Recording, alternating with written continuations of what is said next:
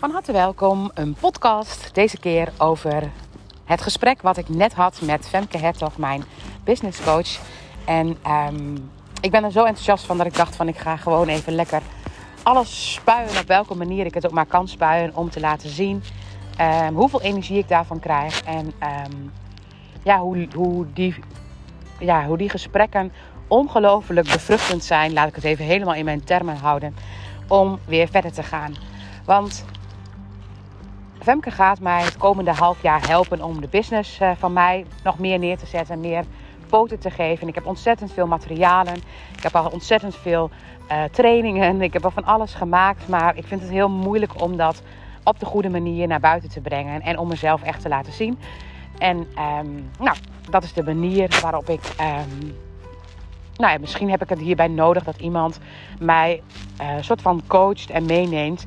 Net als dat ik bij de bevalling eigenlijk ook uh, mezelf heb laten um, ja, tegenhouden door een autoriteit.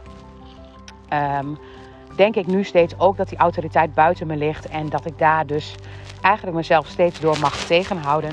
Maar ik mag leren dat die autoriteit in mij zit en dat het in mij een power is. En nou, als iemand dat heel goed kan, dan is dat uh, Femke.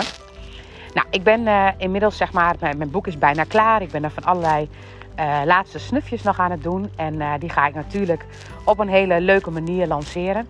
En te beginnen met een gratis webinar die 27 oktober is. En het gaat over leren en toetsen en wat de zwangerschap en de geboorte voor informatie kan bevatten over jouw leergedrag of jouw toetsmaakgedrag.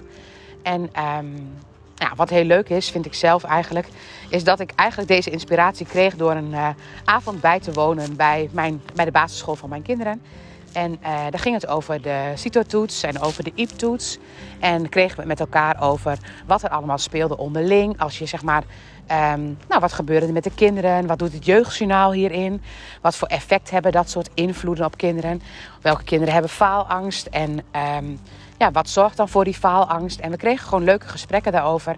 Maar ik had eigenlijk maar één gedachte. Ik dacht, oh, als jullie nou toch eens wisten wat die zwangerschap en die geboorte voor invloed op deze faalangst heeft. Als we allemaal dit verhaal wat we hebben over onze eigen toetsenperiode en over onze eigen leerstrategieën, als we dat nou eens op onze eigen zwangerschap en geboorte zouden leggen en ook op die van onze kinderen. En als we dat zouden zien, want het moment wat ik net vertelde, als ik naar mijn boek kijk, zeg maar steeds denk ik dat ja, de wereld zit er niet op te wachten. Want ik werd tegengehouden bij de geboorte door een autoriteit. Door de arts die zei dat er nog geen 10 centimeter sluiting, ontsluiting kon zijn. Terwijl mijn moeder dat wel zo ervaarde. En achteraf was het wel zo. En uh, ik laat me nu dus nog steeds tegenhouden daarin. Maar ik kan ook, inmiddels doordat ik met Femke in gesprek was, kreeg ik echt een inzicht van: oh, weet je, ik, uh, ik, ik mag dat ook gaan doen. Zeg maar. Ik mag mezelf ook beperken en een beetje tegenhouden. En op die manier, zeg maar, eigenlijk een beetje langzamer alles de wereld inbrengen. Want ik heb meer de neiging om het in één keer allemaal te willen doen. En dan is het waarschijnlijk overweldigend voor alles en iedereen. En andersom, ik kan hem nog een andere kant op draaien. Ik leg die autoriteit buiten mijzelf. Mijn moeder voelde dat ze persweeën had en ging niet op haar eigen intuïtie verder, maar liet daarin de autoriteit het, gaf, gaf ze het woord. En die autoriteit legde ze buiten zichzelf neer. Net als dat ik ook heel gemakkelijk die autoriteit buiten mezelf neerleg.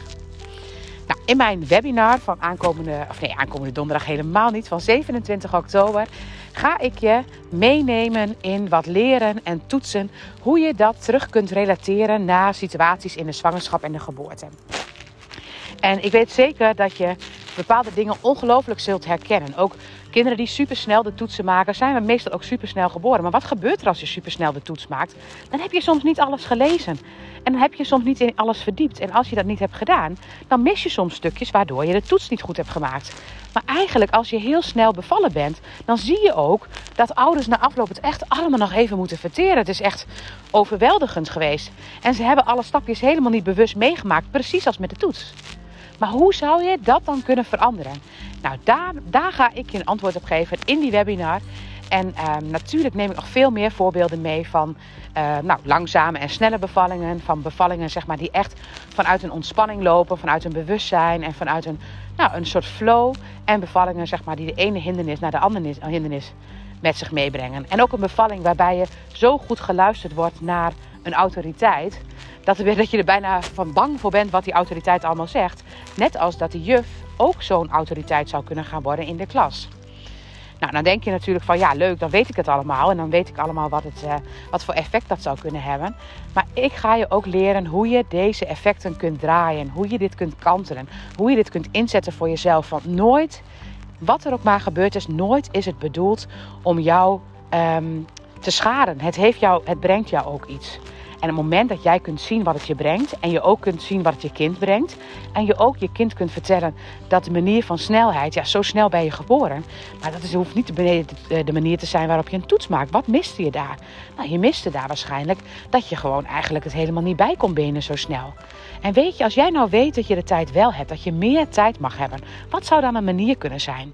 Misschien zou je bijvoorbeeld het eerste eens even helemaal door kunnen nemen op jouw snelheid en het dan vervolgens rustig kunnen maken, omdat je dan weet hoe lang zou mogen duren. Dat je geeft ze bepaalde trucjes die jij op dat moment ook als behoefte nodig had. Want als je vraagt aan een moeder die bijvoorbeeld snel bevallen is, dan is bijvoorbeeld. Ehm, ik zou het heel graag wat langzamer dat iemand mij steeds even meenam in een stapje. Dan kun je dat met je kind doen. Die behoefte die jij als moeder had, die behoefte heeft een kind vaak ook. En op het moment dat je die behoefte leert aan een kind of een kind geeft, dan zul je versteld staan van de effecten op het leren en op het toetswezen, zeg maar, op het hele toetssysteem. En nee, ik vind niet dat kinderen heel veel toetsen zouden moeten doen en dat we ze de hele tijd moeten testen, want dat geeft ontzettend veel stress. Maar het moment dat we bepaalde meetmomenten nodig zijn, dan is dat, kan dat ook nuttig zijn. En wat als we die meetmomenten dan minder beladen maken voor onze kinderen? Want dat kan dus. En wat dan belangrijk is, het moment dat ik als ouder um, ontzettende faalangst heb door bijvoorbeeld ook, nou ja, ook mijn bevalling of mijn geboorte ja, automatisch gaat mijn kind dan ook meer faalangst creëren. Dus het moment dat jij als ouder ook ziet waar jij al faalangst in hebt en ook kunt zien hoe jij dat kunt kantelen, nou dan kan het alleen maar heel veel win-win-win situaties opleveren. Nou, mocht je interesse hebben in deze webinar, die overigens gratis is, uh, schrijf je in.